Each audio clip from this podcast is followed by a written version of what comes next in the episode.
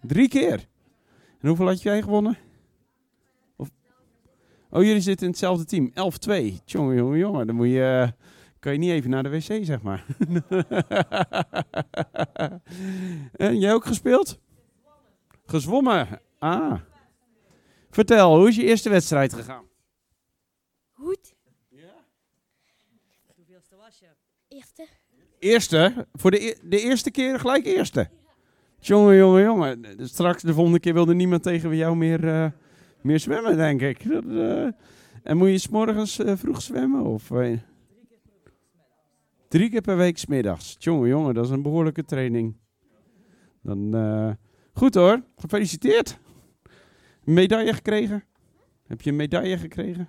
Ah, dan drie medailles. Hoor, dan, dan hoeven je ouders de kamer niet meer te behangen. Dan hang je gewoon allemaal medailles op. Scheelt weer. Leuk. Jullie ook nog gesport? Of lekker thuis gezeten? Oh, jij hebt leren tennissen. Jongen, jongen, jongen. Ook de eerste keer. Super.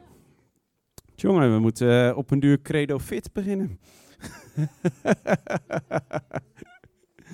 Die, eh, ja, ik ga misschien wel meedoen aan de, de februari is een halve marathon hier, geloof ik. Dan eh, misschien wel meedoen. In Eeklo, toch? In het Leen heb je een, eh, een trailrun. Heb je. Dus Petra gaat meedoen. Dus als jullie ook mee willen doen, kun je ze bij Petra opgeven. Dus ja, ik, ik hoorde dat je nog aan, je bent nog aan het trainen, geloof ik. Oh ja, maar dan, dan doe je als, eh, al meer als menigeen, dus eh, dat is hartstikke positief. Geweldig. We gaan God loven en prijzen. Zullen we gaan staan? Vader, u bent hier door uw Heilige Geest. En ik geloof dat u deze middag wil bewegen met kracht. Vader, ik dank Heer dat u door uw woord heen spreekt, dat u door de gesprekken met elkaar heen spreekt. Dat u spreekt door uw Heilige Geest in ons hart. U bent, u heeft, de geest van waarheid woont in ons. En ik dank dat u met waarheid wil spreken deze middag in de naam van Jezus. Vader, we mogen ons verblijden in u, we mogen u eren, we mogen u aanbidden deze middag. En ik dank Heer, Heer, dat u zegt dat u de bron van het leven bent. En dat u met leven wil komen in overvloed. In Jezus' naam. Amen. Ehm, mag heel even zitten. Eh, volgende week eh, komt er een. eh, ik heb nog even Patrick gebeld. Er komt een eh, groep van eh, 22 Noren. Ineens. Van een eh, Bijbelschool uit eh Christiansand. Dus dat is een andere plaats dan waar Johnny vandaan komt. En eh, die, komen, die komen een heel weekend. Eh, dat is een, een beetje een aanbiddings-gebedsbijbelschool, maar die willen, eh, die willen een beetje veranderen. En eh, nieuwe werken van God in Europa willen ze de, gewoon ondersteunen. Willen ze, en eh, ja, we zijn in contact gekomen. Ik heb ze ontmoet in Brussel een tijdje geleden. Ik had heel lang niks gehoord. Opeens kreeg ik een e-mail. En eh, dus er gaat een eh, groepje naar Axel, Terneuzen. Nou, dus ze schrokken een beetje. Ik zei, iedereen wordt geactiveerd. Dus, eh, dus iedereen... en, maar we hebben afgesproken dat ze volgende week als afsluiter met z'n 22 naar hier komen. Dus... maar eh, wat me leuk leek is, eh, dus eh, ja, het zal een beetje voller zijn en zo, maar het wordt gewoon een gezellige boel, dus dat komt allemaal goed. Dus, eh, ehm, wat zeg je? Nee, dat is dertigste. Moet wel je chat lezen, hè. Dus, eh, en, maar het leek me leuk als, eh, als we misschien samen een broodmaaltijd zullen hebben volgende week. En dat iedereen gewoon wat, wat meeneemt. Ik zal wat eh, extra meenemen voor die 22 man. Dus dat leg ik niet op jullie schouders. Dus wees gerust voor de mensen die bezorgd zijn. Eh, maar het leek me leuk om eh, in ieder geval met z'n allen nadien te eten. En iedereen die neemt gewoon wat voor een broodmaaltijd mee. Als er iemand soep wil maken, prima. Laat het even weten. We hebben de, ehm, de Credo soepchat. Jullie gaan pompoensoep maken. Prima. Is er nog iemand die iets wil maken? We hebben twee soorten soep. Prima. Ja hoor. Prima. Nog iemand die iets wil? Broccoli soep. Nou, kijk maar in ieder geval, maar eh, dan weten jullie dat dat het eh, plan is. Gewoon op zijn, eh, op zijn gemakkelijkst en niet niet te gecoördineerd. Dus dan. dus hartstikke leuk. Ehm, dus eh, volgende week hebben we ook. eh, er zitten ook wat muzikanten en bij. de groep zelf ken ik, ken ik nog niet. Maar ik heb gezegd, we gaan zo een paar Engelse liederen extra zingen volgende week. Maar die, ik weet, die groep is vrij groot, dus ik weet niet eens of we echt versterking nodig hebben. Misschien alleen van gitaar. En we gaan er een hele mooie tijd van maken met z'n allen. Dus dat wou ik even doorgeven. En nu mogen we gaan staan en dan gaan we God aanbidden. Je mag even gaan zitten. Je mag even gaan zitten. Weer een, eh, een stukje spoken word. Gaat over eh, een stukje dankbaarheid. En eh, daarna zou ik graag gewoon met elkaar dat we gaan danken. Danken voor eh, ja, de dingen waar je dankbaar voor bent. Dus even de, focus van problemen af en van de, de renovatie af. En van eh, de hubo af. En van, eh, ja, we hebben al die dingen die we hier hebben. En tegelijkertijd zijn er zulke mooie dingen waar we dankbaar voor mogen zijn. En daar gaan we samen voor danken. Ik ga eerst deze. Zullen we samen gaan danken voor dingen in ons leven. Maak even groepjes van vier of zo, vijf. Maakt allemaal niet zoveel uit. En laten we samen gaan danken. We gaan geen hele gebeden voor de moeilijkheden doen. Maar we gaan danken voor de mooie dingen die we om ons heen hebben. Oké? Zo, als je een offer hebt, mag je offer komen brengen. En dan mogen de kinderen mogen naar hun eigen kerk gaan. Zo'n zacht muziekje, moet je altijd oppassen dat je niet in slaap valt, zo'n beetje.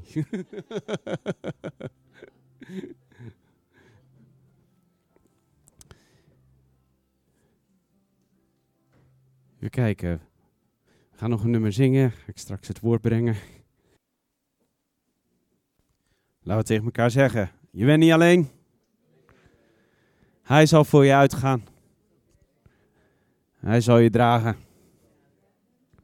Ja. Prachtig nummer. Raakt me altijd.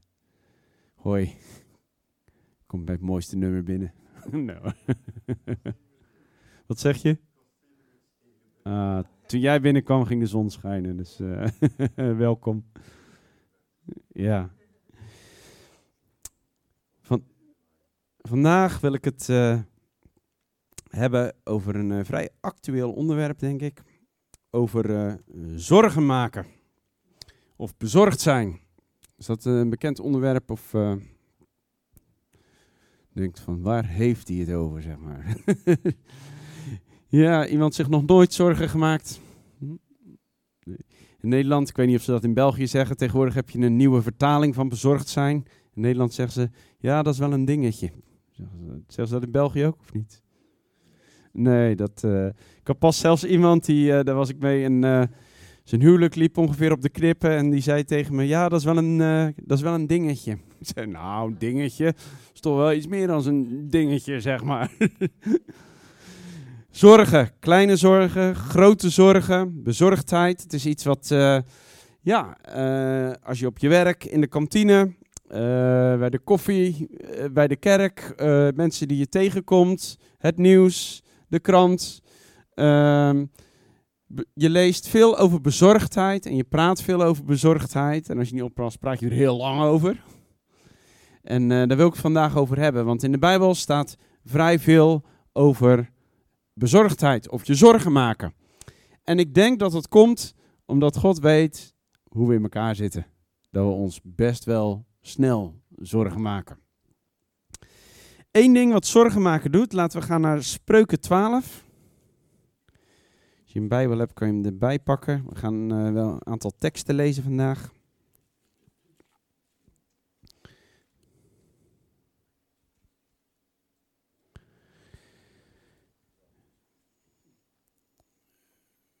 Bezorgdheid, Spreuken 12, vers eh, 25.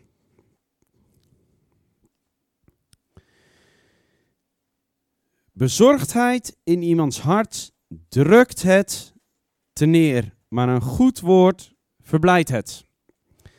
Nou, laten we deze ook tegen elkaar zeggen. Er staat dat je tot elkaar spreekt. We prediken samen. Bezorgdheid, druk jouw harten neer, joh. Ja, dan druk je, uh, druk je harten neer. Maar een goed woord maakt het weer blij. Ja, wat zorgen maken doet, dat is bij iedereen, het drukt je hart te neer. Nou, wie kent dat? Merk je, ja, je, dat, je, je wordt somberder. Ik weet niet of je dat kent. Een piano, die heeft, uh, sommige piano's hebben drie pedalen. En dat uh, middelste pedaal, als je dat uh, indrukt, dat kan naar beneden en een stukje opzij, dan blijft die staan. En wat er dan gebeurt is, dan komt er een vilt en dat, dat pedaal dat legt eigenlijk een vilt op de snaren. Waardoor alles doffer klinkt. Nou, zo moet je dat een beetje zien. Als je hart neer wordt gedrukt, dan komt er een soort, uh, ja, wordt er een soort uh, lakertje gelegd op die, op die snaren van je hart. En alles is wat doffer, alles is wat gematigder. Ja, je zou het met een zwaar woord depressieachtig kunnen noemen, zeg maar. Neerslachtig, laat ik het iets minder zwaar maken. En de, je wordt neerslachtig. En dat is wat zorgen maken met je doet. Of bezorgd zijn met je doet. Of voor de Nederlanders, als je een dingetje hebt, zeg maar. Dan word je, dan, dan wordt je vreugde wordt gestolen. Je vreugde wordt weggenomen. Ik merk dat bij mezelf ook. Als zorgen het overnemen, als zorgen uh, als er een focus komt op, op zorgen, het eerste wat gebeurt is, mijn vreugde gaat weg.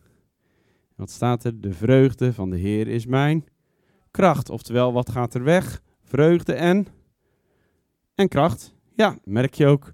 Als je neerslachtig wordt, dan weet je, ik moet eigenlijk iets doen, maar de kracht die kracht is er niet meer. Of het, of het lukt steeds moeilijker om jezelf ergens toe te zetten. Ik weet niet of, je dat, uh, of, je, of jullie dat kennen.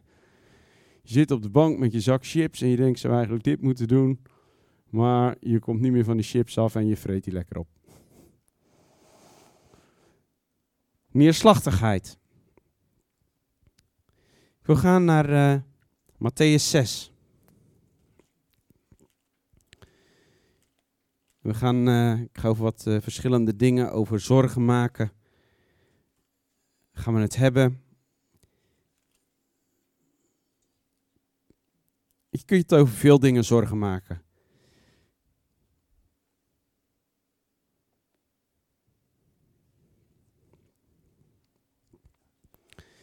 Matthäus 6, vers uh, 24. Deze tekst die wordt vaak een beetje uit zijn verband gehaald. Daarom wil ik hem even in het verband lezen. Niemand kan twee heren dienen, want of hij zal de een haten en de ander liefhebben, of hij zal zich aan de een hechten en de ander minachten. U kunt niet God dienen en de mammon. Nou, wie heeft die tekst als meer gehoord? Ja, anders heb je zitten slapen onder de veel preken. Die wordt nog alles genoemd, hè? Maar hier zie je in welke context deze tekst wordt gezet. Want het volgende zinnetje zegt: Daarom zeg ik u. Meestal wordt deze tekst in de context gedaan van uh, dat je niet op rijkdom moet focussen, maar uh, op de dingen van het koninkrijk. En wellicht zal dat het ook betekenen, maar het staat in de context van iets anders. En in vers 25 staat er: Daarom zeg ik u, Wees niet bezorgd over uw leven, over wat u eten en wat u drinken zult. Ook niet over uw lichaam, namelijk waarmee u zich kleden zult. Nou, dat is vooral voor de dames onder zich. Ik zeg hem niet tegen Tirza, als die voor de kast staat. Ja, ik weet niet wat ik aan moet doen. Bla, bla, bla, Dan wil je bijna deze tekst zeggen. Maak je geen zorgen over hoe je je kleden zult. Hè? wat zeg je? dat is heel wijs, Hervé. Ik merk dat je al wat langer getrouwd bent dan ik. Dus. is het leven niet meer dan het voedsel en het lichaam meer dan de kleding? Kijk naar de vogels in de lucht. Ze zaaien niet en maaien niet en verzamelen niet in schuren. Uw hemelse vader voedt ze evenwel. Gaat u ze niet ver te boven? Wie toch van u kan met bezorgd te zijn één el aan zijn lengte toevoegen? En wat bent u bezorgd over de kleding? Kijk naar de ladies in het veld, hoe ze groeien, ze werken niet en spinnen niet. En ik zeg u dat zelfs Salomo in al zijn heerlijkheid niet gekleed ging als een van deze. Als God nu het gras op het veld dat er vandaag is en morgen in de oven geworpen wordt, zo bekleedt, zal hij u niet veel meer kleden, kleingelovigen? Wees daarom niet bezorgd en zeg niet, wat zullen wij eten, of wat zullen wij drinken, of waarmee zullen wij ons kleden, of hoe zullen wij de elektrische, de rekening voor het gas en elektra betalen? Want al deze dingen zoeken de heidenen. Uw hemelse Vader weet immers dat u al deze dingen nodig hebt. Maar zoek eerst het koninkrijk van God en zijn gerechtigheid, en al deze dingen zullen u erbij gegeven worden. Wees dan niet bezorgd over de dag van morgen, want de dag van morgen zal voor zichzelf zorgen. Elke dag heeft genoeg aan zijn eigen kwaad. Ik ga hier zo verder op in. Weet je, laat ik als eerste zeggen, dat betekent niet dat je vreemd bent voor de dingen in deze wereld. Mijn rekening is gestegen van de energie. Die van jullie ook? Oh, verbazingwekkend, zeg. Het verbaast me echt, ja. Nou, ik heb, uh, ik heb goed bericht voor jullie. Bij ons is die harder gestegen als bij jullie. Dus dat, uh, dat, dat kan ik jullie... Wij, wij hebben de hoogste inflatie van Europa. Dus, uh, dus, dus jullie zijn wat dat betreft niet zielig. Wat zeg je? Wat? Ah, dank u, dank u, dank u. Wat ik wil zeggen, er zijn reële dingen. En daarom staat dit tekstgedeelte er ook. Want weet je, heel veel dingen waarom we, waarover we ons bezorgd maken, die zijn heel reëel. Er staan hier hele reële dingen, staan er kleding, eten, uh, hier in Europa dan verwarming. Ik bedoel, dat kan je gezondheid zijn. zijn hele goede argumenten om je zorgen te maken. En je hoeft ook niet blind voor dingen te zijn. Ik, sta, ik, ik kijk elke dag het nieuws. Je hoeft niet net te doen alsof het niet bestaat.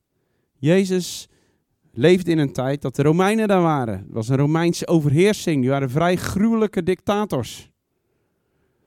Dus alle reden voor bezorgdheid. En weet je wat ik het. Wat ik het uh, we gaan zo nog wat teksten lezen. Deze tekst staat daar natuurlijk over die mammon. Staat aan het begin al. Er gaat, het gaat erover waar gaat jouw focus naar uit. Daarom staat ook die laatste tekst, zoek eerst het koninkrijk van God en zijn gerechtigheid. Oftewel, ga ik mij bezighouden met alle aardse dingen? Of ga ik mij in de eerste plaats bezighouden met de onvergankelijke dingen? Wat staat er? Je leven is meer dan kleding. Nou, laten we die even tegen elkaar zeggen. Jouw leven is meer dan kleding. Uh, ja, jouw leven is meer dan voeding. Je leven is zelfs meer dan gezondheid. Ja. En waarom staat dat er? Wie heeft zich alles bezorgd gemaakt? Nou, ik denk iedereen. En wat, wat doet bezorgdheid met je? Bezorgdheid wil alles overnemen. Als je bezorgd bent, wat gebeurt er? Je denkt er s morgens aan, je denkt er s middags aan, je denkt er s avonds aan, je denkt als je gaat slapen aan en s morgens sta je weer op. Je, in je gesprekken gaat het erover. We hadden ook een, een, aantal dingen waar we ons zorgen over maken. Wat er gebeurd was in ons leven. En wat er gebeurd is. Je praat met elkaar, je hebt argumenten, je verzint oplossingen. En dan kom je erachter dat je eigenlijk. De volgende dag praat je weer, de dag daarna weer. En je hebt eigenlijk 25 keer precies hetzelfde gesprek. Met precies dezelfde atmosfeer aan het eind. Alles is op dezelfde manier weer geanalyseerd. Er is ook helemaal niks veranderd. Wat, dat is wat zorgen doet. Zorgen, die zorgen ervoor dat alles geconcentreerd wordt rond dat ene probleem. Of die ene zorg. wij hebben op een duur moeten zeggen, we gaan hier nu een maand niet over praten. En elkaar daar ook op aanspreken dan. Hè? Als je dan iets wil zeggen. Nee, daar zou ik het niet meer over hebben. Waarom? Het verandert niks. En elke keer was dat weer een trigger. Waarop het hele gebeuren weer in je hoofd rond gaat malen. Je kan niet slapen. Gebeurt er, je maakt je weer boos. Je maakt je weer zorgen. En soms moet je even ho zeggen. Het heeft te maken met vertrouwen. Zorgen maken. Waarop vertrouw ik? Ik vind dat mooier als geloof eigenlijk. Vertrouwen, dat spreekt wat meer uit een relatie. Geloof is voor mij meer een project. Zeg maar. Ik, ik heb 100% vertrouwen in God. Echt waar. Ik vertrouw Hem volledig. Maar ik heb niet overal geloof voor. Zo te zeggen. Kijk, net zoals Miranda, die heeft vast geloof voor een Ferrari. Geweldig, hè? Leuk. Super. Hadden we niet verwacht van Miranda. Hadden we niet verwacht van Miranda. Maar Miranda, die, die heeft dat nou gewoon. Nou, ik niet. Dat kunnen we ook niet vergelijken. Dat, kan, dat hoef ik niet te beoordelen. Maar vertrouwen heb je in iemand, in een persoon. Ik heb, ik heb 100% vertrouwen in God. En als ik vertrouwen in iemand heb, dan kan ik dingen ook overgeven, ook al heb ik niet alle antwoorden. Ik snap Tirza niet helemaal.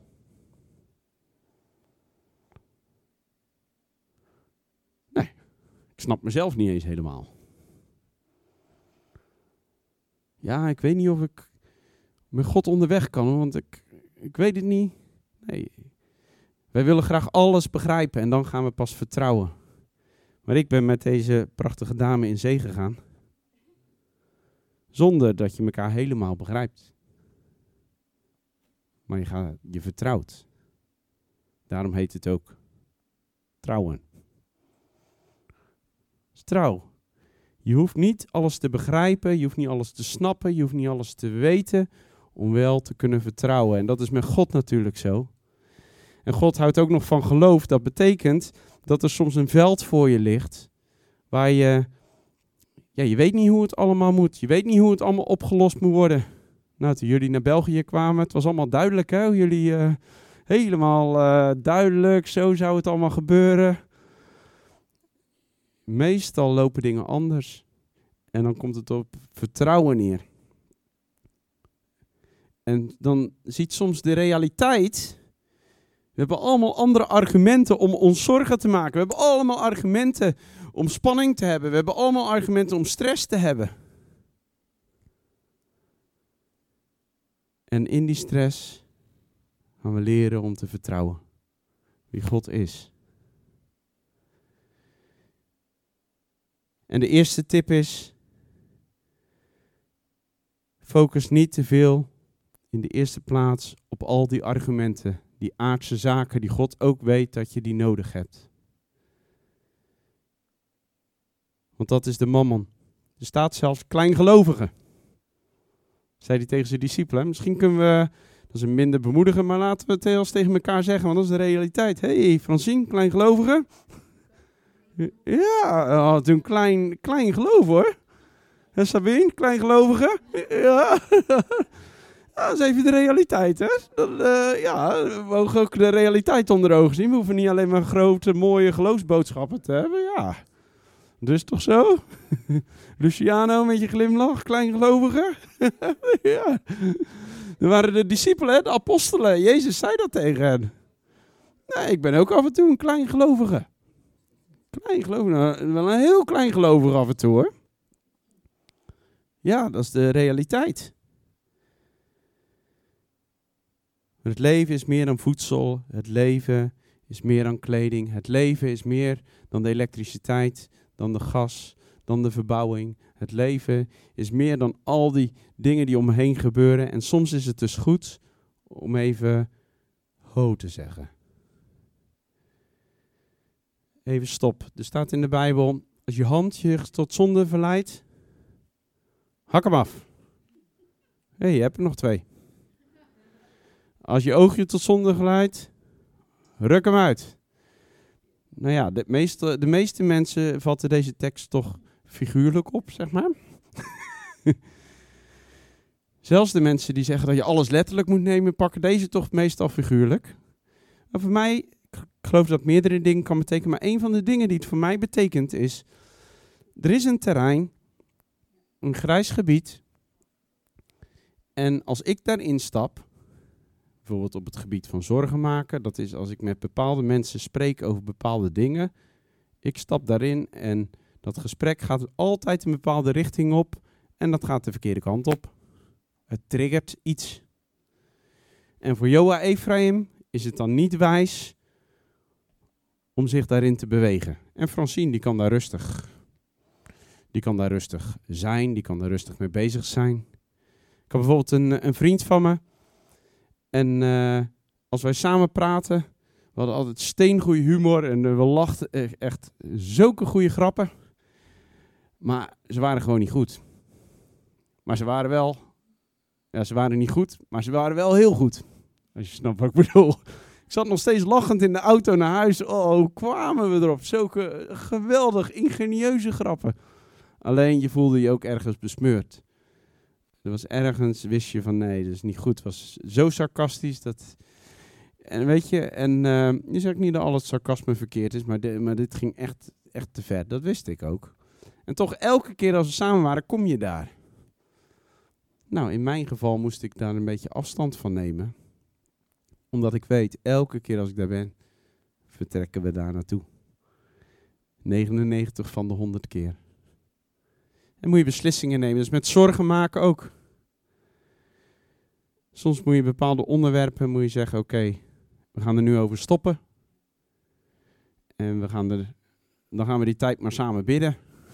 We gaan in ieder geval stoppen om die molen hier aan de gang te trekken. We hebben het nu honderd keer besproken. Nu weet je, zoek eerst dat koninkrijk van God en zijn gerechtigheid. Want weet je, de geheimenissen liggen in dat koninkrijk van God. Wat gebeurt er namelijk als ik mij vul met de bezorgdheid en angst, faalangst, al die dingen, dan kan ik ook geen goede beslissingen maken. Ik zou je zeggen, je kunt dezelfde beslissingen maken uit angst als uit overtuiging, wijsheid en vertrouwen. Kan precies hetzelfde eruit zien. Alleen het verschil is dit. Als jij die doet uit angst, neemt over het algemeen, neemt de angst en de onrust neemt alleen maar toe.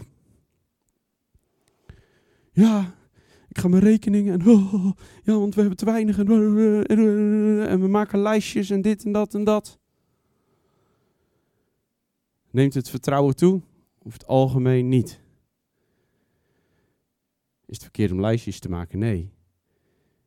Als ik afstand neem en ik kom bij God en hij zegt, maak nou eens eerst rustig een overzicht. En dan zal ik zeggen hoe je het moet doen. En jij gaat een overzicht maken en je komt dan tot overtuigingen. Hé, hey, dan komt er wel vrede. Terwijl aan deze kant komt er geen vrede. Het lijstje ziet er precies hetzelfde uit. Maar de vrucht is heel verschillend.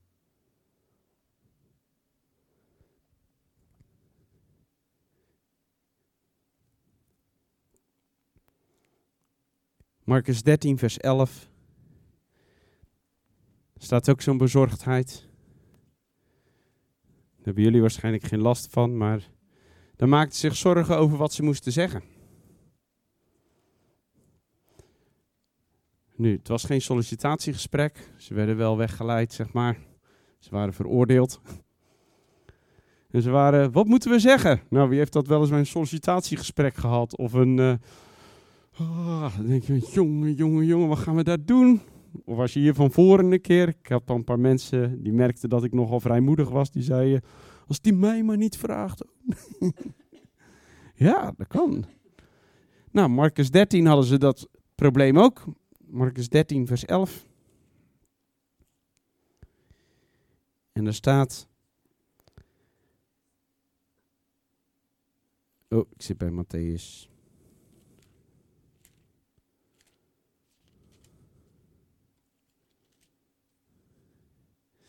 En wanneer ze u zullen wegleiden om u over te leveren, wees dan van tevoren niet bezorgd wat u spreken moet. En bedenk het niet Jongen, dat is moeilijk hè? Ik weet niet of je dat kent. Je weet in je hart, je moet wel weten dat God iets gesproken heeft. Hè? Sommige charismatische mensen denken dat ze nooit meer iets hoeven voor te bereiden. Maar ik bedoel, dat is niet zo. Maar ergens was er, uh, bereid het niet voor. Ik heb het ook wel eens gehad. Bijvoorbeeld dat God zegt, Joa, het komt goed. Jij zit, hoe dan? En dan lig je nog wakker over hoe dan. En je houdt achterdeurtjes open en je denkt, nou als dit niet, dan dat. En je bent nog dingen aan het voorbereiden. En uiteindelijk vindt het heel anders plaats. Heel veel energie voor niks eigenlijk. Wees dan tevoren niet bezorgd wat je spreken moet en bedenk het niet. Maar wat u op dat moment gegeven zal worden, spreek dat. Want u bent het niet die spreekt, maar de Heilige Geest. Nou, hier zie je een hele, een hele goede stap wat hier staat in vertrouwen. De dingen komen pas vaak wanneer jij gaat. Wij willen vaak dat alles duidelijk is, opgelost is, helemaal geen risico. Maar vaak komt, toen Petrus uit de boot stapte, hij, hij kon er pas op staan toen hij eruit stapte. Ik kan heel lang naar het water, steentje erin gooien om te kijken of hij zinkt, zeg maar. Hè? Eh, dat zou ik doen. Nou, ik weet niet. Ja, zegt het wel, maar even kijken of het wel echt zo is. Maar het kwam pas toen hij een stap zette. Nou, met heel veel dingen in het leven is zo. De kracht van God en de genade van God en de zekerheid komt pas wanneer wij in vertrouwen een stap zetten. En eerder vaak niet. Eerder voelt het onzeker, is het onzeker. Maar we mogen gaan staan op dat woord van God. En dan komt er genade en komt er kracht. Of komen er woorden in dit geval? Of komt er een zekerheid? Moment dat jij gaat. Moment dat jij doet. En dat is een hele persoonlijke weg. Ik kan hier prachtige verhalen vertellen over mezelf. Maar er zijn ook gebieden waar het heel moeilijk ligt. Hoe ga ik zelf om met, uh, met bezorgdheid? Um, ik rationaliseer vaak eerst zorgen. Uh, psychologen hebben uitgevonden ongeveer 90% van alle zorgen die je maakt is volkomen onnuttig.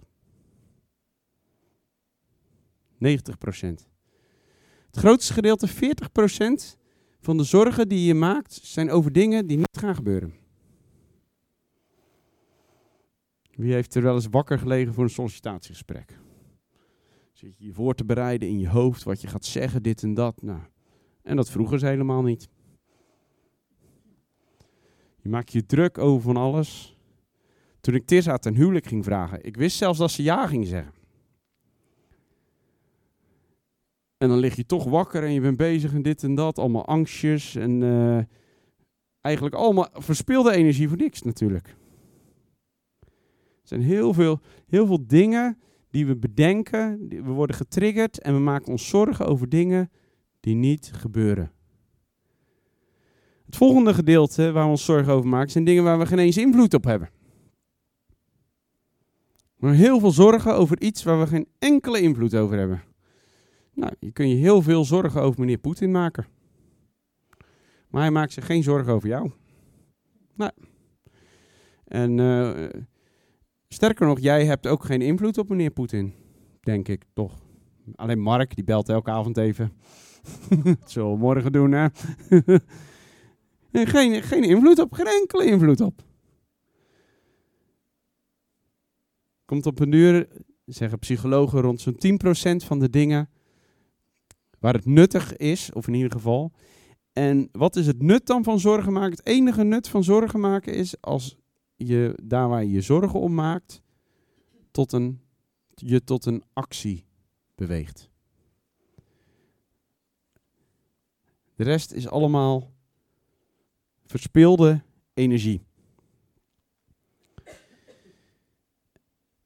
Ik rationaliseer vaak dingen. Ik was bijvoorbeeld, uh, dat was dan iets meer angst. Ik was vroeger erg bang voor uh, rollercoasters, zeg maar, van die achtbanen. Maar ja, ik dacht als ik later kinderen heb, dan wil ik wel in een achtbaan kunnen met mijn kinderen. En hoe ik dat dan doe is, ik stond voor zo'n eh, voor zo'n achtbaan en dan bekijk ik gewoon, oké, hoeveel mensen komen hier gemiddeld genomen vandaag levend uit de achtbaan? Eh 100%. Hoeveel mensen hebben er stilgehangen in de karretje ondersteboven vandaag? Ook niks. En dan weet ik wat, jij, wat sommigen van jullie al in hun gedachten hebben. Ja, maar op YouTube stond er een dingetje waar die wel ondersteboven. Ja, ik zou je zeggen, het is veiliger om in het achtbaanautootje te stappen dan in je auto hier en naar huis te rijden. Procentueel, hè? Want dat is wat angst met je doet, of wat zorgen met je doen. Die maken van een heel klein iets, maken ze iets heel groots.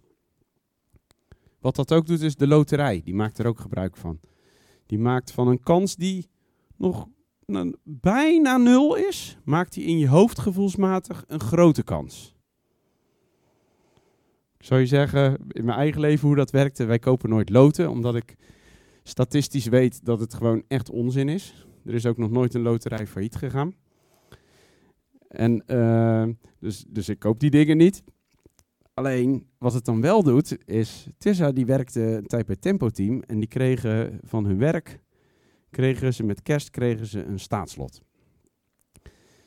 En, uh, en toch, wat dat dan doet, is... Dan denk je van, nou god, dat zou een mooie mogelijkheid zijn vanuit de hemel.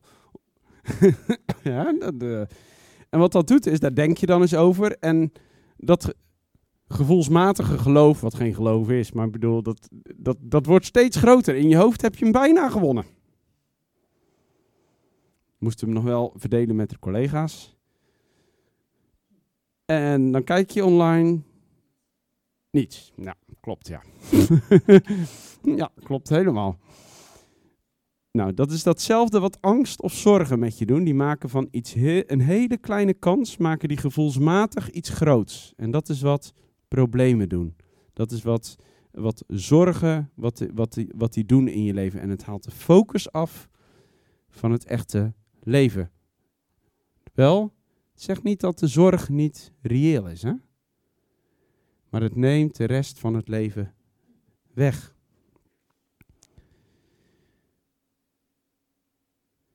Spreuken 4, 94 bestaat niet. Spreuken, ik weet niet welke het is. Het is in ieder geval vers 19, ergens in Spreuken.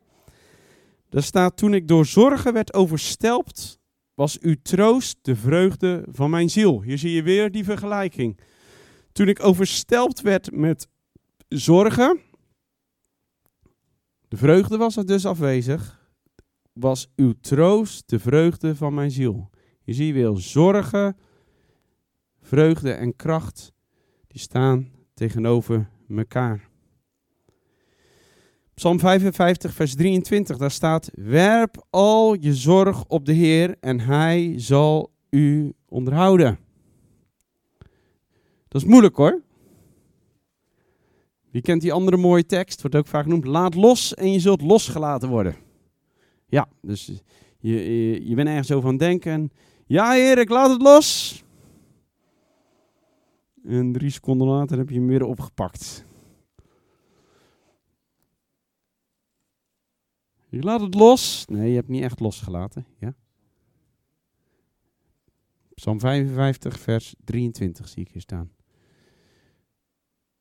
Laat los en je zult losgelaten worden. Dat was het voorbeeld wat ik met Tirza zei. We gaan er een maand eens niet over praten. En dan merk je opeens dat dat probleem, of datgene wat, wat hier de hele tijd speelt, dat dat al een stuk, een stuk verder weg is. Doordat je aan het loslaten bent. We gaan het niet onderhouden, we gaan het werpen op God. Er staat ook werpen, hè? gooien op God. Soms moet je echt, ik ben wel stenen gaan gooien, bij ons bij de zee gooi ik gewoon stenen. Je, je dingen wegwerpen. Sommigen die moeten het wegboksen. Pak je gewoon, uh, ga je op de boxclub, grote boksbal. Helpt. Zeker bij mannen helpt dat. Gewoon even mappen. Even wielrennen op zijn hardst. Kun je zorgen dat hij van je af. Werp ze weg. Want hij zal je onderhouden. 1 Petrus 5 vers 7 staat het zeggen, werp al je zorgen op hem, want hij zorgt voor u. Nou, dat moet je leren in jouw leven. Hoe, hoe werp ik die zorgen weg? Iedereen zit een beetje anders in elkaar. Ik heb, ik heb verteld hoe ik dat doe, maar dat is bij iedereen wat, wat verschillend. Het helpt niet altijd om er heel hard voor te gaan bidden. Soms ga je er dan nog meer aan denken. Waarom? Je bent eigenlijk je ongeloof of je bezorgdheid ben je aan het voeden door er eindeloos voor te bidden. Ik heb wel eens geleerd, bij, uh, toen ik voor mijn rijbewijs opging, stond er... Uh, kijk nooit, als er een tegenovergestelde auto komt, ga niet kijken in de lichten van de auto die in tegenovergestelde richting komt. Want daar waar je naar kijkt, daar ga je naartoe. Nou, dat zie je ook als je, geen, als je niet kijkt naar een goed referentiekader. Dus als je alleen maar hebt, ik wil niet naar mijn zorgen kijken, dan kijk je alsnog naar zorgen. Ik wil niet worden zoals mijn vader. Word je precies hetzelfde. Het geeft dezelfde focus. Ik, ik zeg vaak, God, ik ga dit afsluiten. En ik bid er dan niet eens meer voor. Want ik merk dat het me dan loslaat.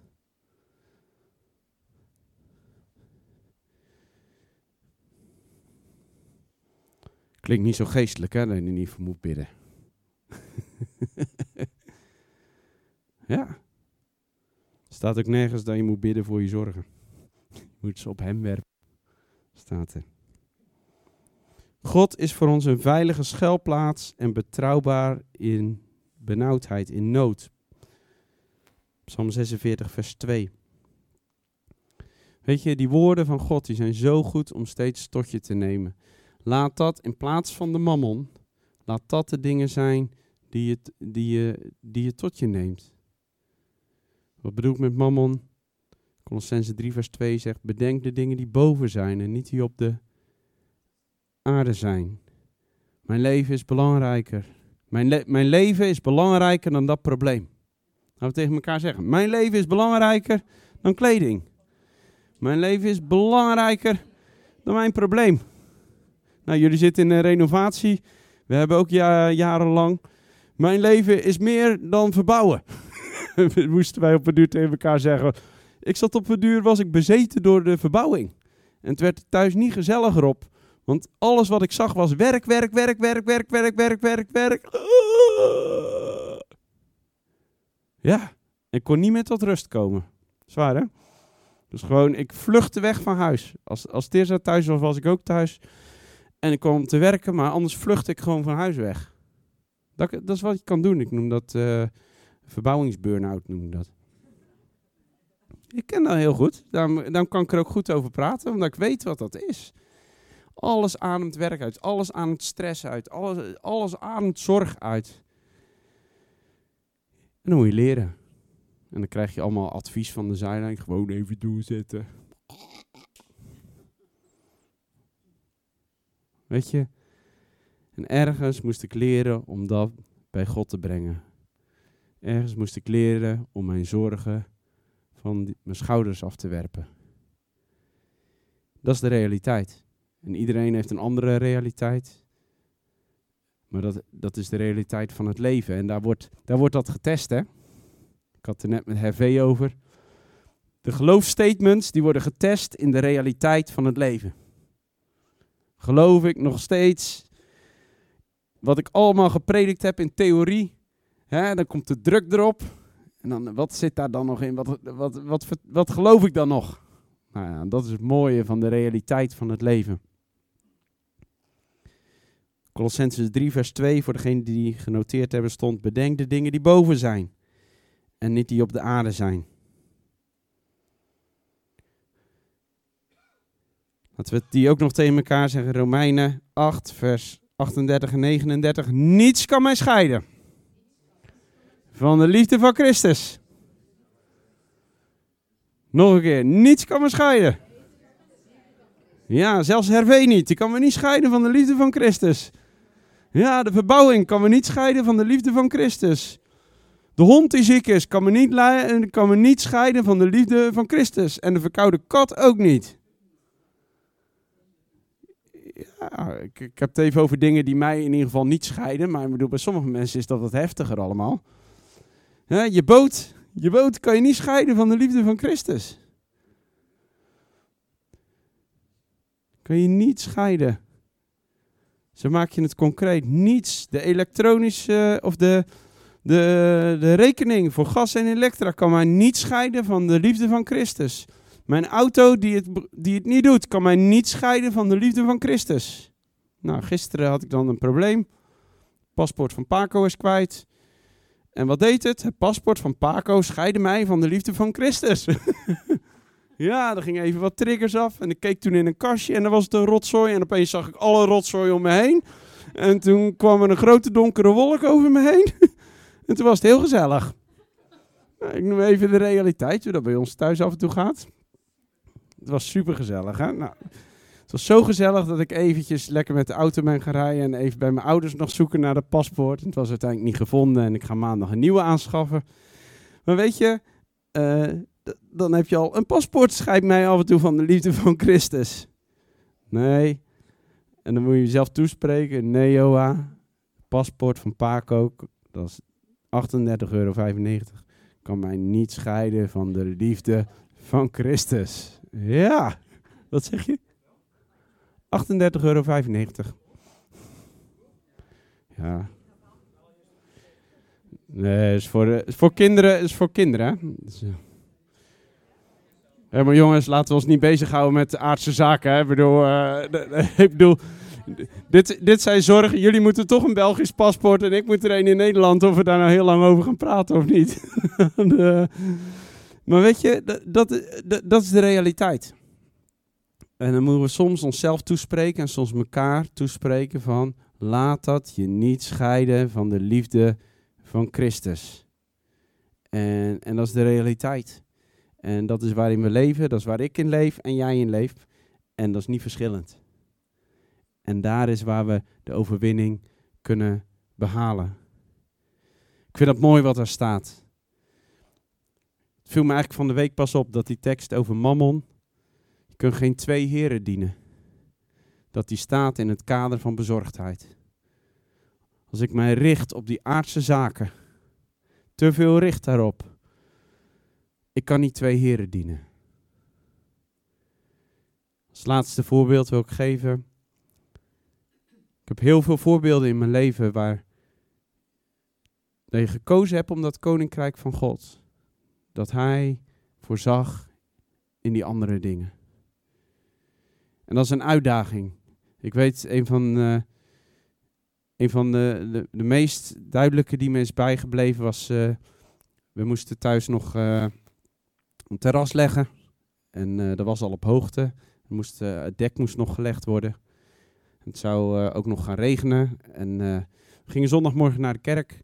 Ik zei tegen Tirza, we gaan zo snel mogelijk naar de dienst naar huis. En dan met z'n tweeën eventjes flink doorrammen, zodat dat, zodat dat erin ligt helemaal. Want we moeten wel in. Dus ja, oké, prima. Wij gingen naar de kerk. En er was een stel.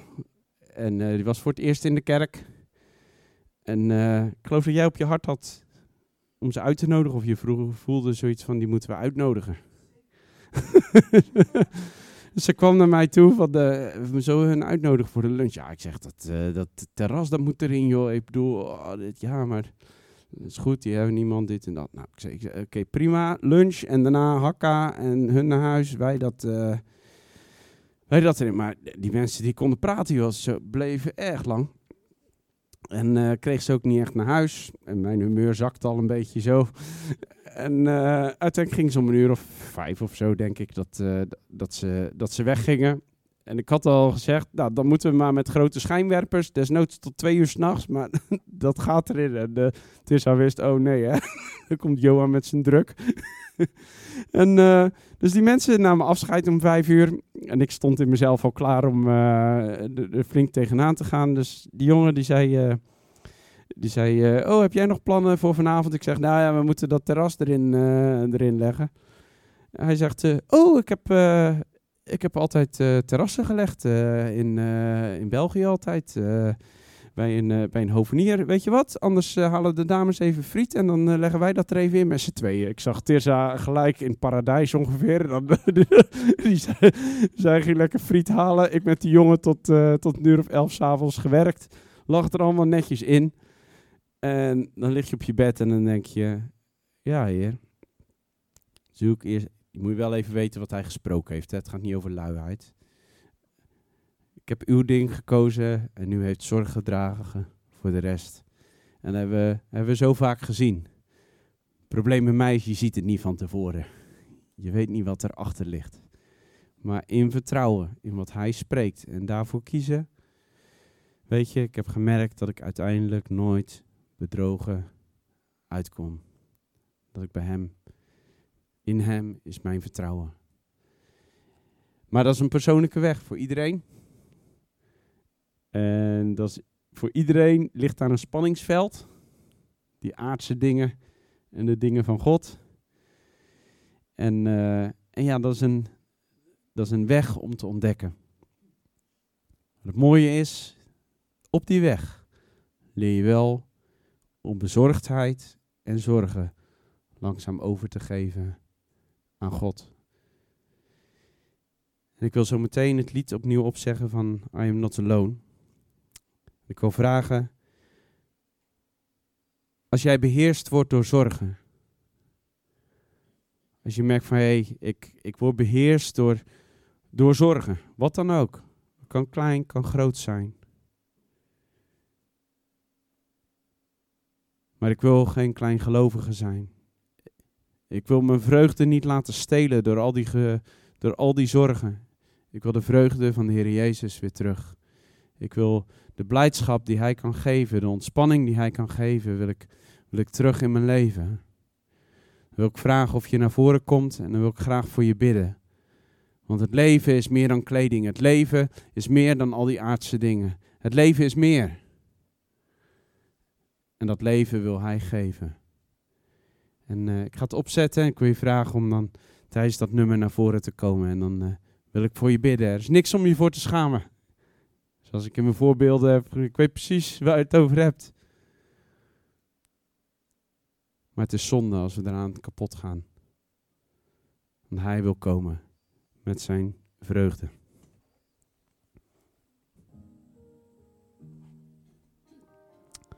We gaan uh, lekker koffie drinken als je nog gebed nodig hebt. Kom dan gewoon. En uh, ik wil ook zeggen, de 23ste zal er een uh, team uit Terneuzen komen. Dus uh, dan weten jullie dat ook. Helemaal op de hoogte. Dus volgende week, volgende week Noren en de week daarna komt er een team uit Terneuzen. Dus dan God zegen.